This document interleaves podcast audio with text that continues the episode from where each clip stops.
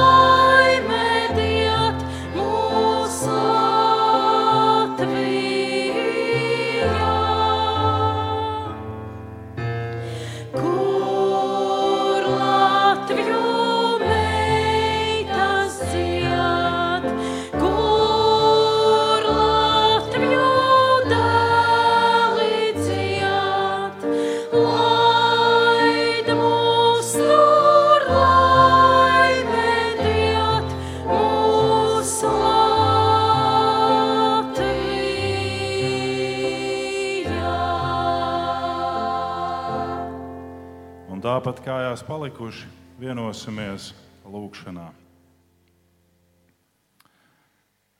Žēlsirdīgais ir žēlīgais Dievs. Mēs Tev pateicamies par Latviju, mēs Tev pateicamies par brīvību. Mēs Tev pateicamies par to, ka bija cilvēki, kuri ticot Tev un ticot sapnim par brīvību, izcīnīja Citi arī maksāja ar savu dzīvību, lai būtu brīva Latvija. Mēs tev pateicamies, Tēvs, par tēviem un brāļiem, kas ir krituši par mūsu dzimteni. Mēs tev pateicamies, ka tu devi viņiem šo ticības drosmi, ka tu devi viņiem šo paļāvību. Tēvs, mēs Tev pateicamies par to, ka bija diena un stunda, kad mūsu kungs un pestītājs arī deva savu dzīvību par mūsu mūžīgo dzimteni.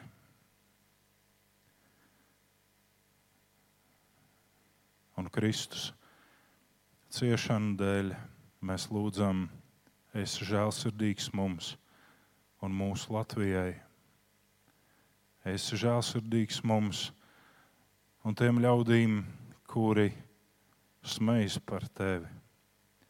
Esi žēlsirdīgs mums un tiem, kas ar nicinājumu vēršas pret tevi. Esi žēlsirdīgs mums un tiem, kas kas mēģina būt negodīgi, kas rīkojas netaisni, kas rīkojas zemiski. Es žēlsirdīgs mums un viņiem. Es žēlsirdīgs mums un visai pasaulē. Mēs izlūdzamies ne mūsu spēkā, ne mūsu iekārēs, ne mūsu gribā,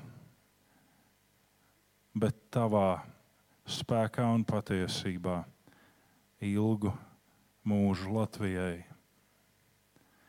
Neatkarīgi no draudiem, neatkarīgi no apkārtējiem agresoriem. Iemāci mums, kā taviem bērniem, par Latviju un brīvību. Cīnīties līdz ceļi ir jēli.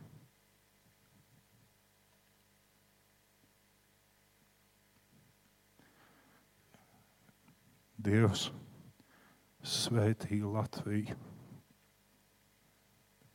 Āmen. Sēdieties, lūdzu.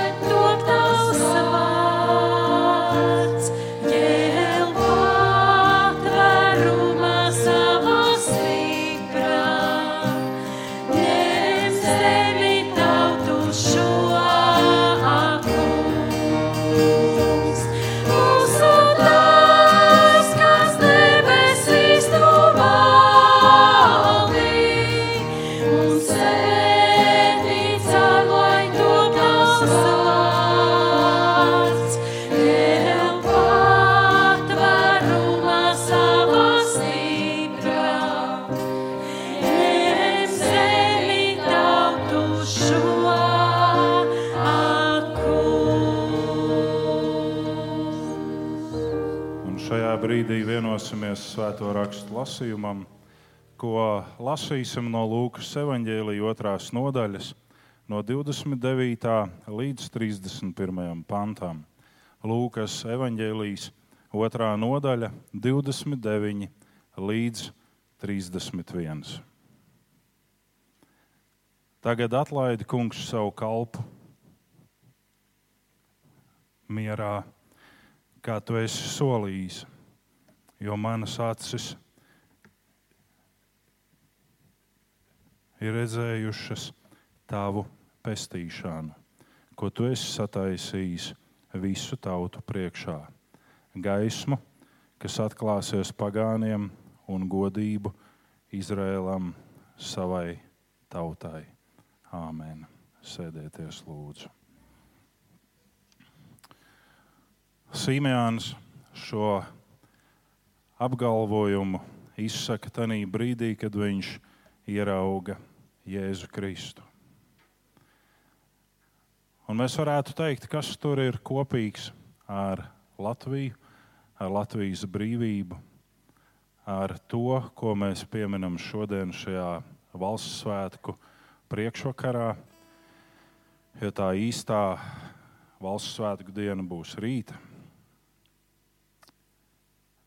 Ir izteikts, ka pestīšana, kas ir skārusi Izrēlu kā godība, ir nākusi arī pār mums. Un kā jau vecajā derībā, mūžas grāmatās mēs lasām, jo arī pār mums ir piesaukts tā kunga vārds. Šī glābšana vai šī pestīšana ir skārusi mūsu ikvienu.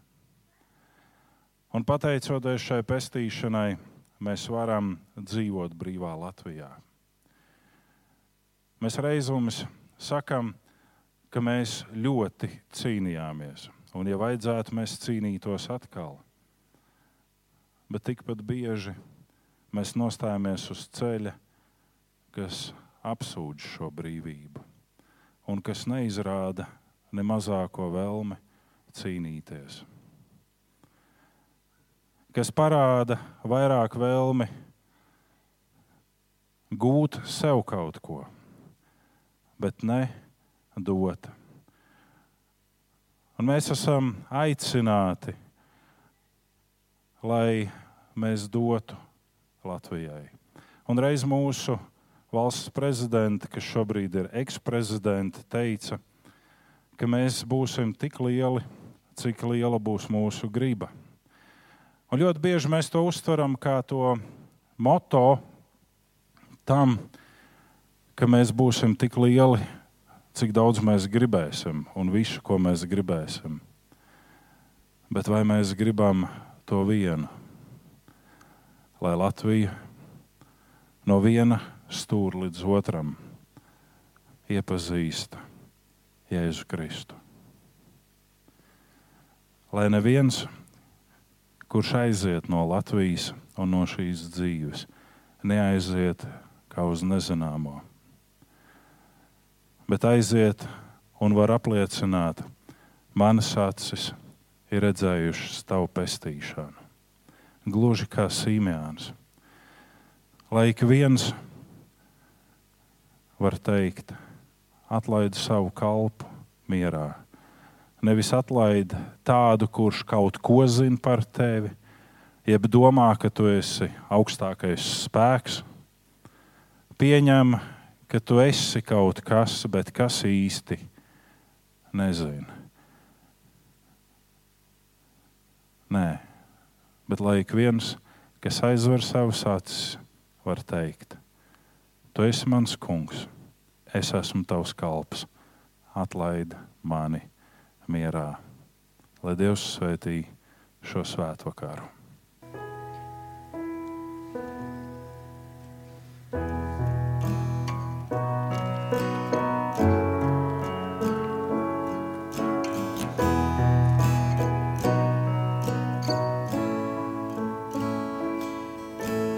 Pasaules gaišums tu ir.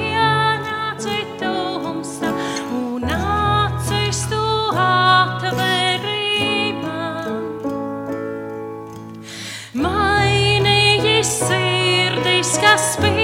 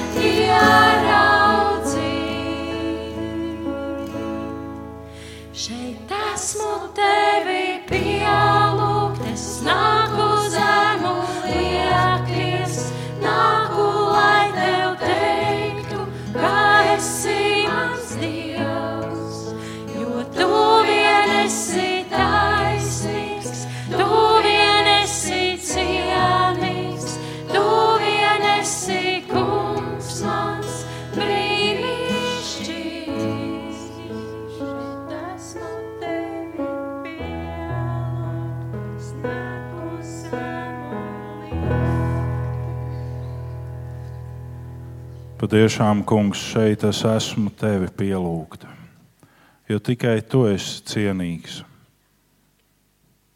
Nav cita tev līdzīga, kurš būtu cienīgs saņemt visu godu, visu slavu un visu pateicību, visu grēku nožēlu un lūgumu pēc apžēlošanas un šķīstību kas varētu dot. Tikai tu tāds esi. Tevi mēs pielūdzam, tev. Mēs gribam no jauna apsolīties tavam godam un Latvijai. Jo tu esi devis mums šo zemes pleķīti, par kuru mums nest atbildību. Tādēļ tavam godam un Latvijai. Mēs lūdzam, dod spēku, dod izturību, dod pašaizliedzību, iet un tavā vārdā nepagurta. Svētī šajā brīdī, kad mēs mācīsimies ko no tavu vārda,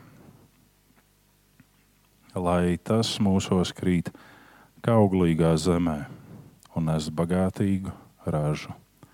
Āmen. Āmen. Šajā dienā mēs domāsim par tevi atgriezties un būt. Jā, protams, tas ir saistīts ar Latviju. Jā, protams, tas ir saistīts ar mūsu zemi, mūsu mājām, ar mūsu darba vietām, ar visu to, ko mēs saucam par savu. Bet tieši tikpat tas ir saistīts ar mūsu ikdienas gājumu un ar to, ka ļoti bieži mēs apgalvojam tev būt, bet mēs aizmirstam tev atgriezties. Un tikpat bieži mēs sakām, tev atgriezties, bet mēs aizmirstam tev būt.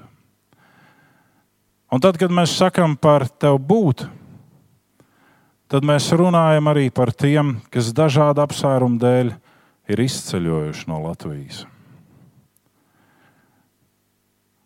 Un arī ne tikai šajā garīgajā plāksnē mēs sakām, tev atgriezties, bet arī tajā fiziskajā plāksnē. Un tad, kad mēs skatāmies uz šo garīgo un fizisko tev atgriezties, tad mēs sakām, tev būt. Dievs lielākajā vairumā gadījumu latviešiem neprasīs atbildību par īriju, Angliju, Spāniju, jeb citām zelta vietām, bet prasīs atbildību par Latviju. Tieši tāpēc lielākajam vairumam no jums klātesošie un arī radioklausītāji mūsu pasēs ir iespiests latvietis. Tieši tāpēc, lai mums vēl vienreiz atgādinātu mūsu atbildību par šo vietu. Un mums nenicinātu nevienu, kurš ir atradis māju vietu šeit, bet rūpēties un gādāt, lai ik viens varētu atgriezties un būt. Tieši tāpat kā mūsu zeme, tieši tāpat kā mēs paši. Un šajā dienā mēs runāsim no pravieša iesaistas grāmatas 48. nodaļas, no 8. līdz 10. panti. Pravietis iesaja 48, 8 līdz 10. Mēs varam Dievu vārdu lasot, piecelties. Tā saka kungs. Laipnības laikā es tev atbildēju, glābšanas dienā es tev palīdzēju. Es sargāju tevi un darīju par derības tautu, lai atjaunotu šo zemi, lai dotu atņemto mantojumu, lai sacītu ieslodzītajiem, nāciet laukā, un tiem, kas tumsā, rādieties šurp. Pie visiem ceļiem tie ganīsies, uz visām kalnu korēm tiem būs ganības. Āmen. Dievs svētī savu vārdu, Dievs svētī mūsu dzirdi un mūsu sirdis, lai tavs vārds pilda mūsu ikatru. Āmen. Sēdieties, lūdzu. Šajā dienā kādai daļai no jums varētu rasties šis jautājums, kāpēc ap maniem pleciem ir aplikta lūkšana šalli, jo parasti es šo šalli lietoju mūžības svētdienā. Tādēļ, ka šī ir tā šalla, par kuru es jums esmu arī teicis, tas ir kā simbols un ne tikai Tas ir tas, kad tu aizlūdz par kādu, ja lūdz, tad tu apskauj arī to personu ar šo šalli. Šo šalli sauc Talija. Un šajā dienā es ceru, ka jūs ik viens, un arī es, gribu apskaut mūsu Latviju. Latvijai ir pietiekami gudro galvu, kuras zina, kā pareizi sariktēt visu un aizslēgt vēl vienu uzņēmumu. Latvijai ir pietiekami to, kas māca citus pamācīt. Latvijai ir pietiekami to roku, kuru rādītāji pirksti norāda uz citiem, bet Latvijai nopietni pietrūkst ceļu, kuri ir tulznās no lūkšanām par Latviju, par brīvību, par dievbijību. Mēs mākam nosodīt viens otru, mēs mākam kritizēt. Ko Dievs vēlas pateikt mums šodien ar praviešu iesaistību vārdiem? Ko vēlas pateikt tajā laikmetā, kad apmēram 745 gadus pirms Jēzus dzimšanas izskanēja šis vārds, un ko tas māca mums šodien? Dievs norāda caur pravietu uz kādu konkrētu laiku, vēstures nogriezienī. Un šis konkrētais laiks saucās laipnības laiks un glābšanas diena. Un mums, kā individiem, ir jāierauga šīs laipnības laiks un glābšanas diena mūsu personīgajā laika nogriezienī. Bet vēl jau vairāk mums tas ir jāredz mūsu zemes un mūsu tautas nogriezienī. Jo, ja nebūtu mūsu tautas nogriezienī šis labvēlīgais laiks un šī glābšanas diena, mums būtu grūti sastapt privāto glābšanas dienu un labvēlības laiku. Bet Dievs deva laika nogriezienī šo konkrēto brīdi arī Izraēla tautai. Lai vai kā mēs negribam to redzēt, kā jau es pieminēju, arī mūsu tautas gājumā ir bijis šis laiks. Mēs redzam vēsturiskā kontekstā, ka konkrētā tauta tiek definēta par apsolījumu tautu. Taču šīs tautas sākums ir viena persona. Ja mēs runājam par Izraēlu tautu, tās personas vārds ir. Un tad mēs domājam, nu kas varētu būt tā persona. Nu, varētu nosaukt visus trīs bet varbūt kļūdīties. Un labāk tieši redzes dievkalpojumā nekļūdīties. Tā persona ir jēkabs. Pirms tam mēs sakām, bet īzāks. Jā, bet īzāks netiek nosaukts par tautu pēc dieva līdzības.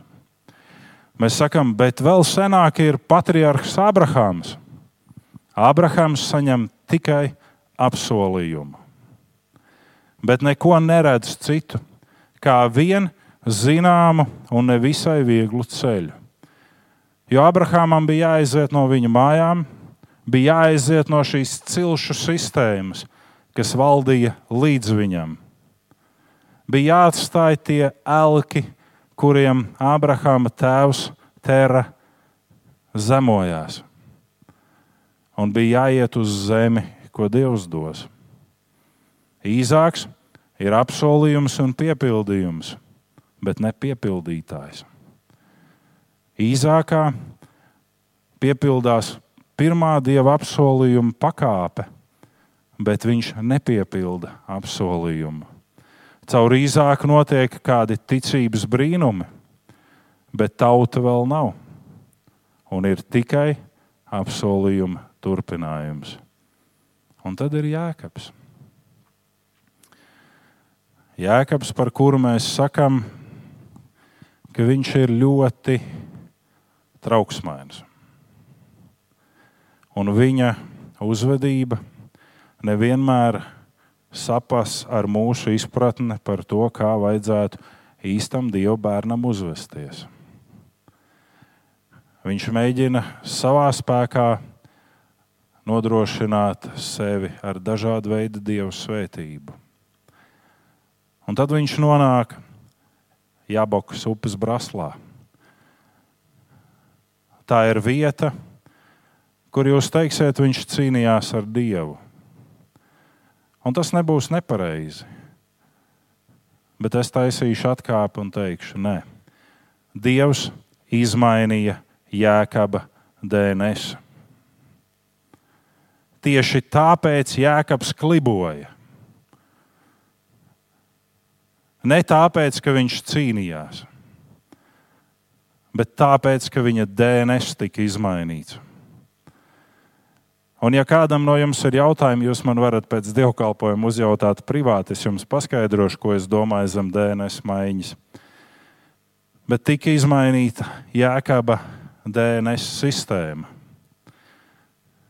Un, ja jūs paskatāties uz šīm kopienām, kas nāk no Jēkaba kā dēli līdz Benjaminam,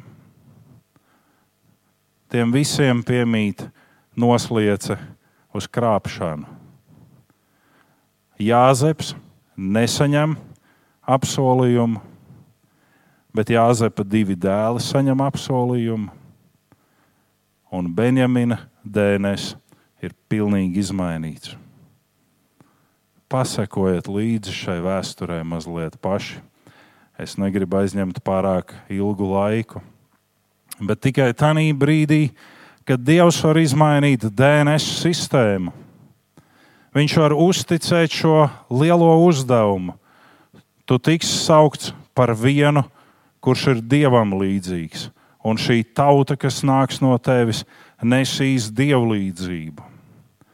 Un tas, par ko mēs runājam šodien, ir tas, ka mums, kā piesaistītajiem etnosiem pie šīs tautas, caur Kristus augšām celšanu, mums vajadzētu visā dzīves ikdienā nest dievlīdzību. Mums neviens tādā veidā neizmaina DNS, kā tas tika izmainīts Jēkabam. Bet mums caur grēku nožēlu mūsu DNSam arī vajadzētu mainīties. Lai tie lāsti, kas ir bijuši pagātnē, vairs nevar turpināties rītdienā. Jēkaba DNS, tauta, kas nāk pēc tam, kurai ir savi kāpumi un kritumi. Tuvāk dievam un tālāk no dieva, bet dieva līdzībā. Tieši tāpēc, ka ir šie brīži, kurus apzīmē ar tālāk, ir arī šī pravietojuma izteiksme par konkrētiem mirkļiem tautas vēsturē un cilvēku izvēlēm tuvāk. Ko Dievs vēlas pateikt mums šodien? Atklāsme ir par to, ka ir vairāki posmi Latvijas vēsturē un gājumā. Mums gribas redzēt pretrunas, naidu, ierobežojumus, un pat ir brīži, kad mums ir liela vēlme pierādīt nepierādāmo un noliegt patieso un vienīgo. Taču bijis laika posms. Protams, mēs varam apgalvot, ka tas viss ir triviāli, bet tomēr bija periodi, kad cilvēki pulcējās un sauca uz Dievu. Un, ja mēs pētām Latvijas vēsturi, tad pirmo reizi un pirmās liecības ir par 9. gadsimtu. Kopš cilšu laikiem ir bijuši ļaudis, kas ir saukuši uz Dievu. Un kas ir redzējuši Latvijā ko vairāk kā tikai Māras zeme, kā vairāk kā tikai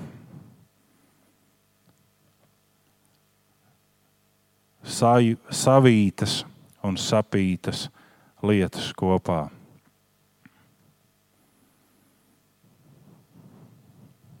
Latvijas vēsturē Dievs ir manifestējis, lai atklātos kā tēvs, kura auss nav aizkritusi un kura roka nav saīsināta. Vai tu pazīsti šādu dievu? Vai šādam dievam tu esi gatavs kalpot?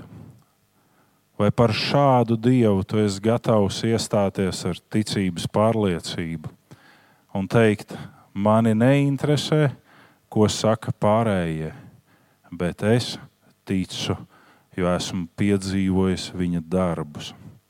Es ticu, jo es esmu pārliecināts par viņu. Es ticu, jo viņš man nozīmē vairāk, kā es varu aprakstīt vai izteikt.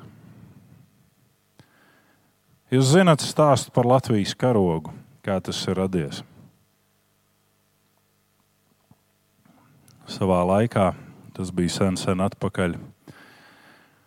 Tas vēl bija pagājušā gadsimtā, bet jau tajos brīžos, kad varēja sākt mazliet brīvāk elpot, man vajadzēja skolā rakstīt kādu kā referātu.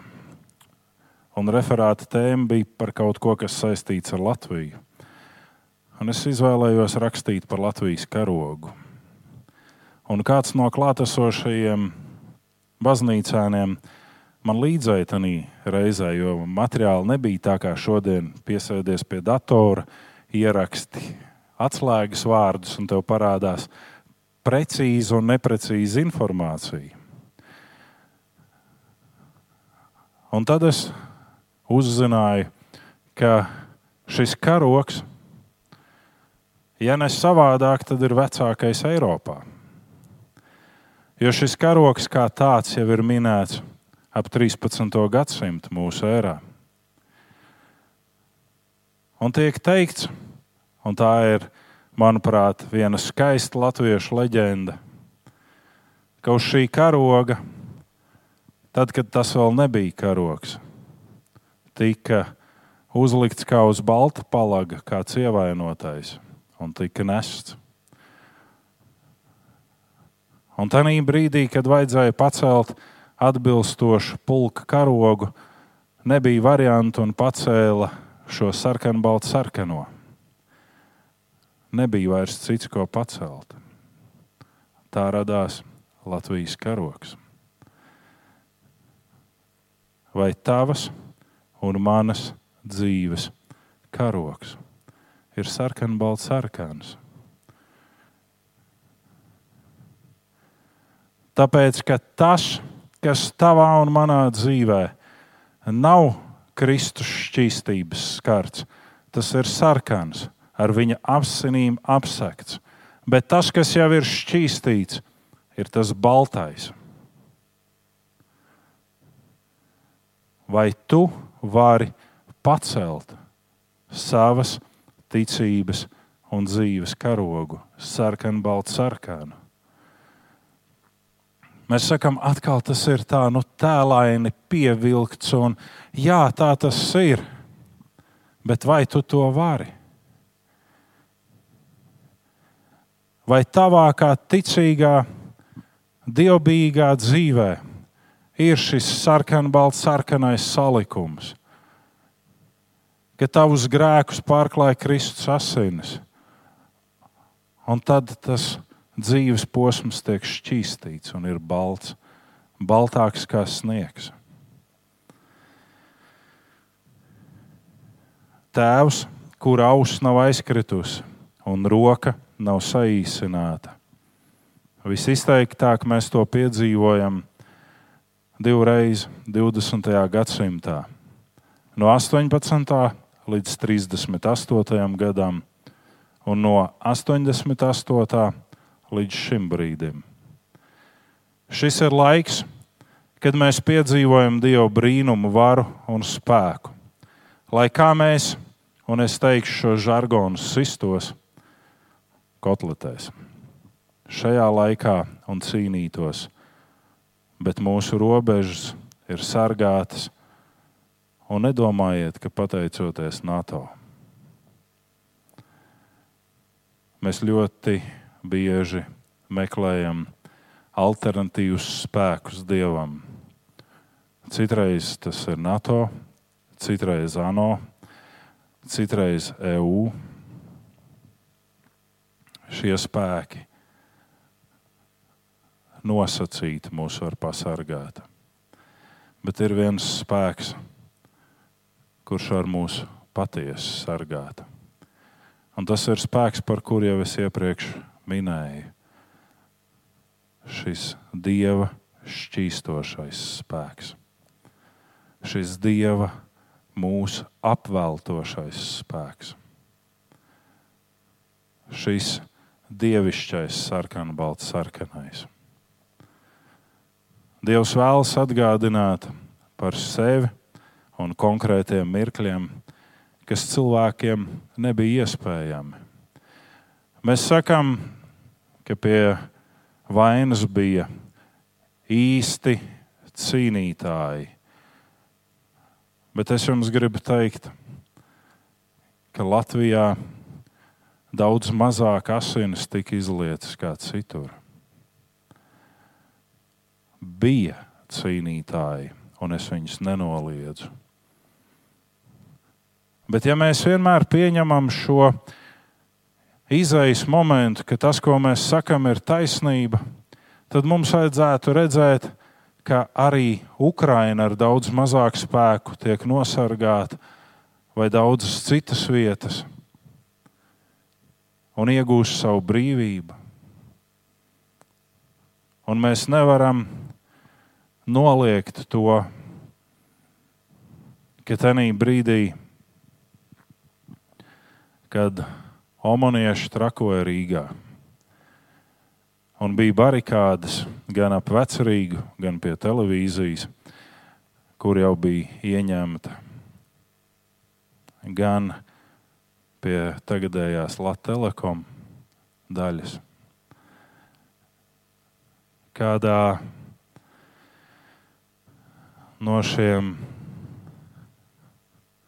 skaudrajiem mirkļiem, tā brīža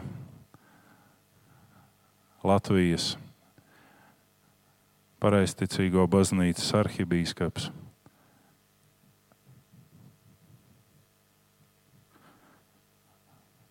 Uzkāpis uz šīm barikādēm pie Latvijas telekoma pavērsis savu seju pret Omonu. Teica, Jēzus vārdā atkāpies sāten no Latvijas.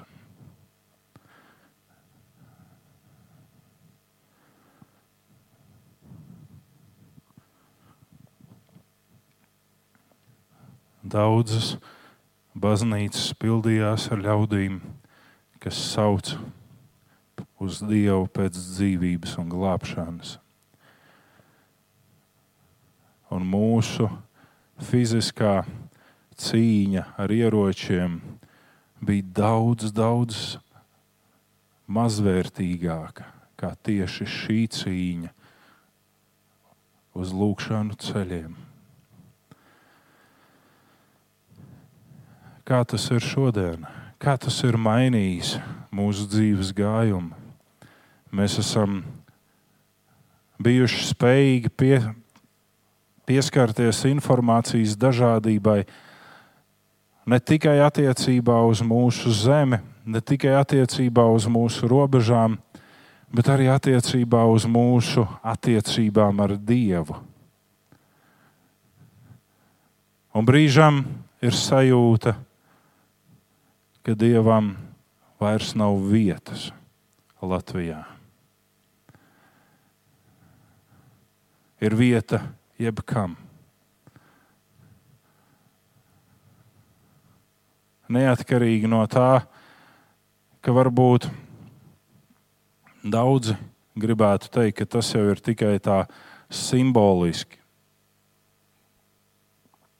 Un ka to jau nevajag ņemt vērā tik ļoti nopietni, Es jums teikšu, ka mana sirds sažņaudzās aizvadītajā nedēļā, kad es ieraudzīju ērkšķu kroni, kāds rotā Kristus galvu Ikšķilas krusta kalnā.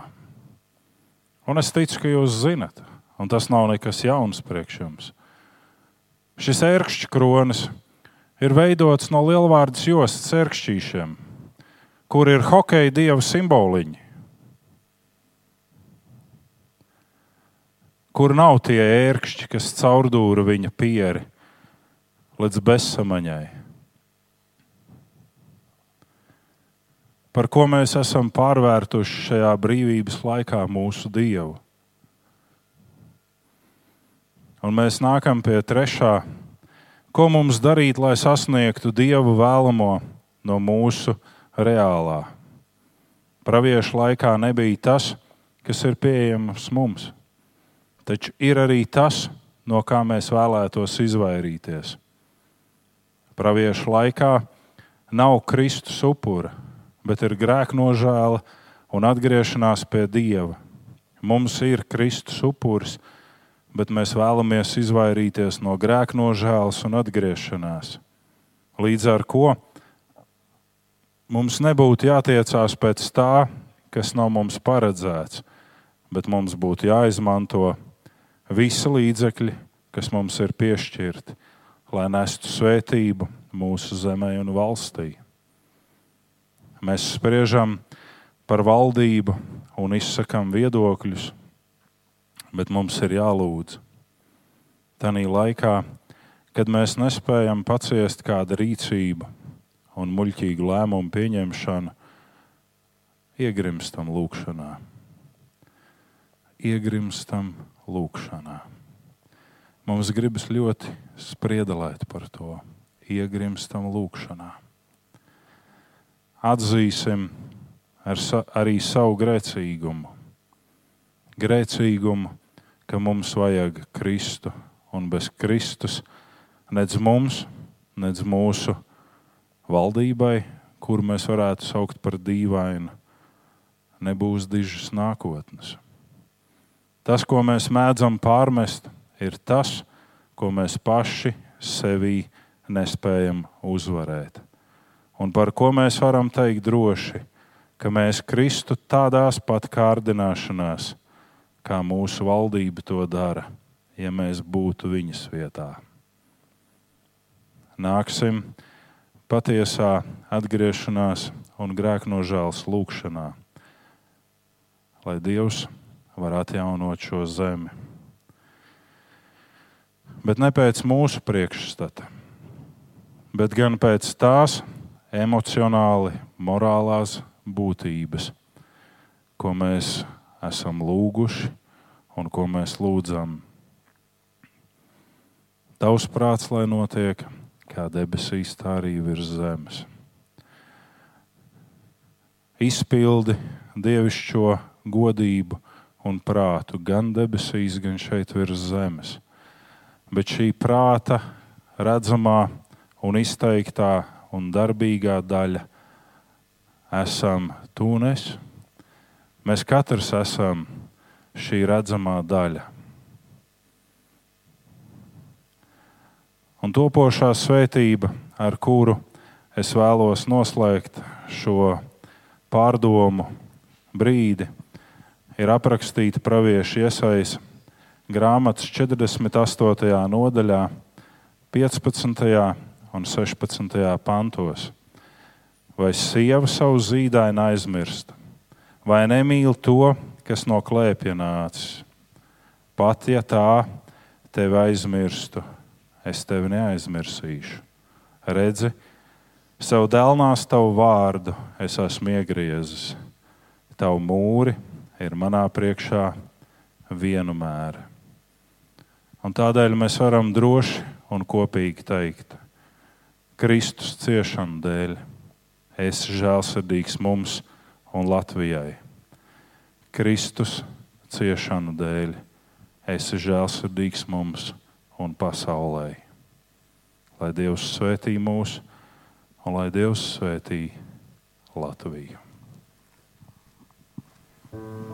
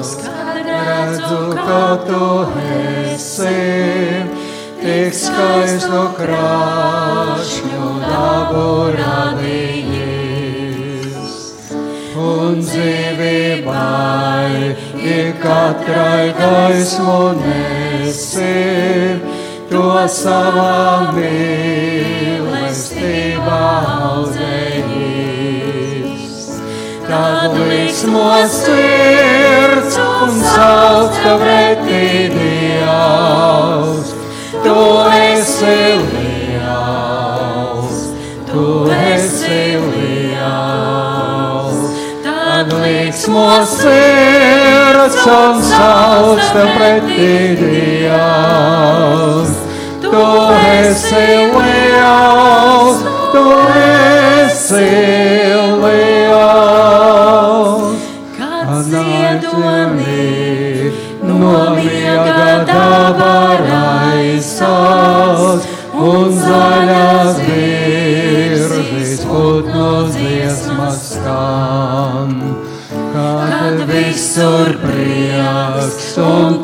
puķu smarža kaisās, kas atnesi aini sirdī arī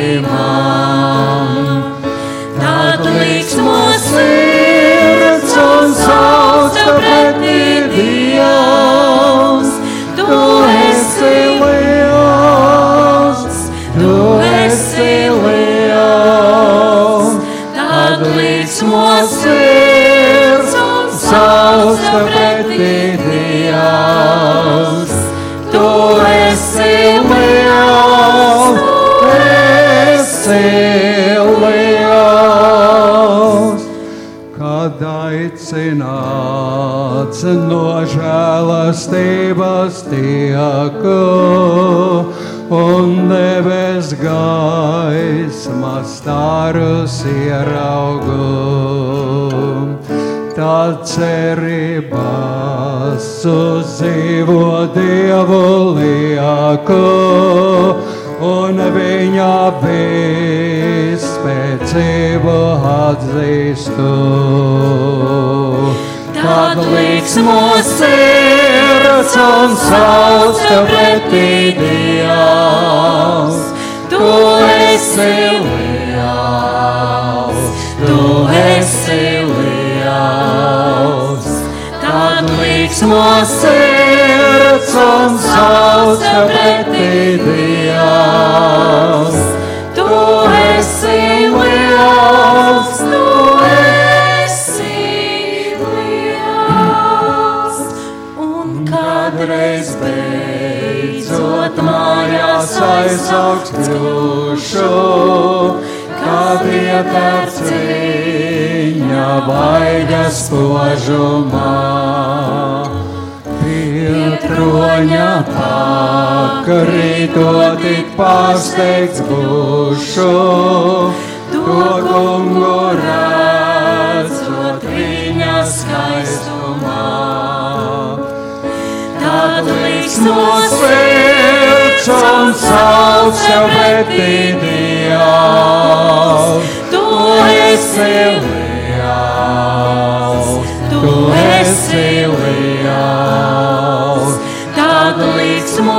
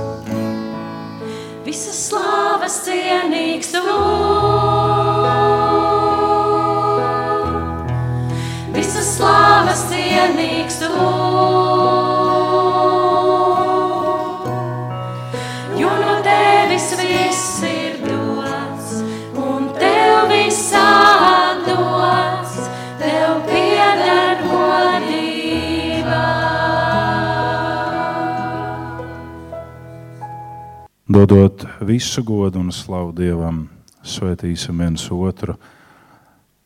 Gan mēs, kas esam šeit, gan tos, kuri mūs ir klausījušies, un kuri nevar tikt uz dievnamiem. Svētīsim mūsu Latviju, svētīsim un pacelsim savas rokas un teiksim, lai Kungs tevi svētī un tevi pasargā, lai Kungs apgaismo savu vaigu pār tevi un ir tev žēlīgs, lai Kungs uzlūko tevi ar lapatiku un lai dod tev savu mieru. Āmen!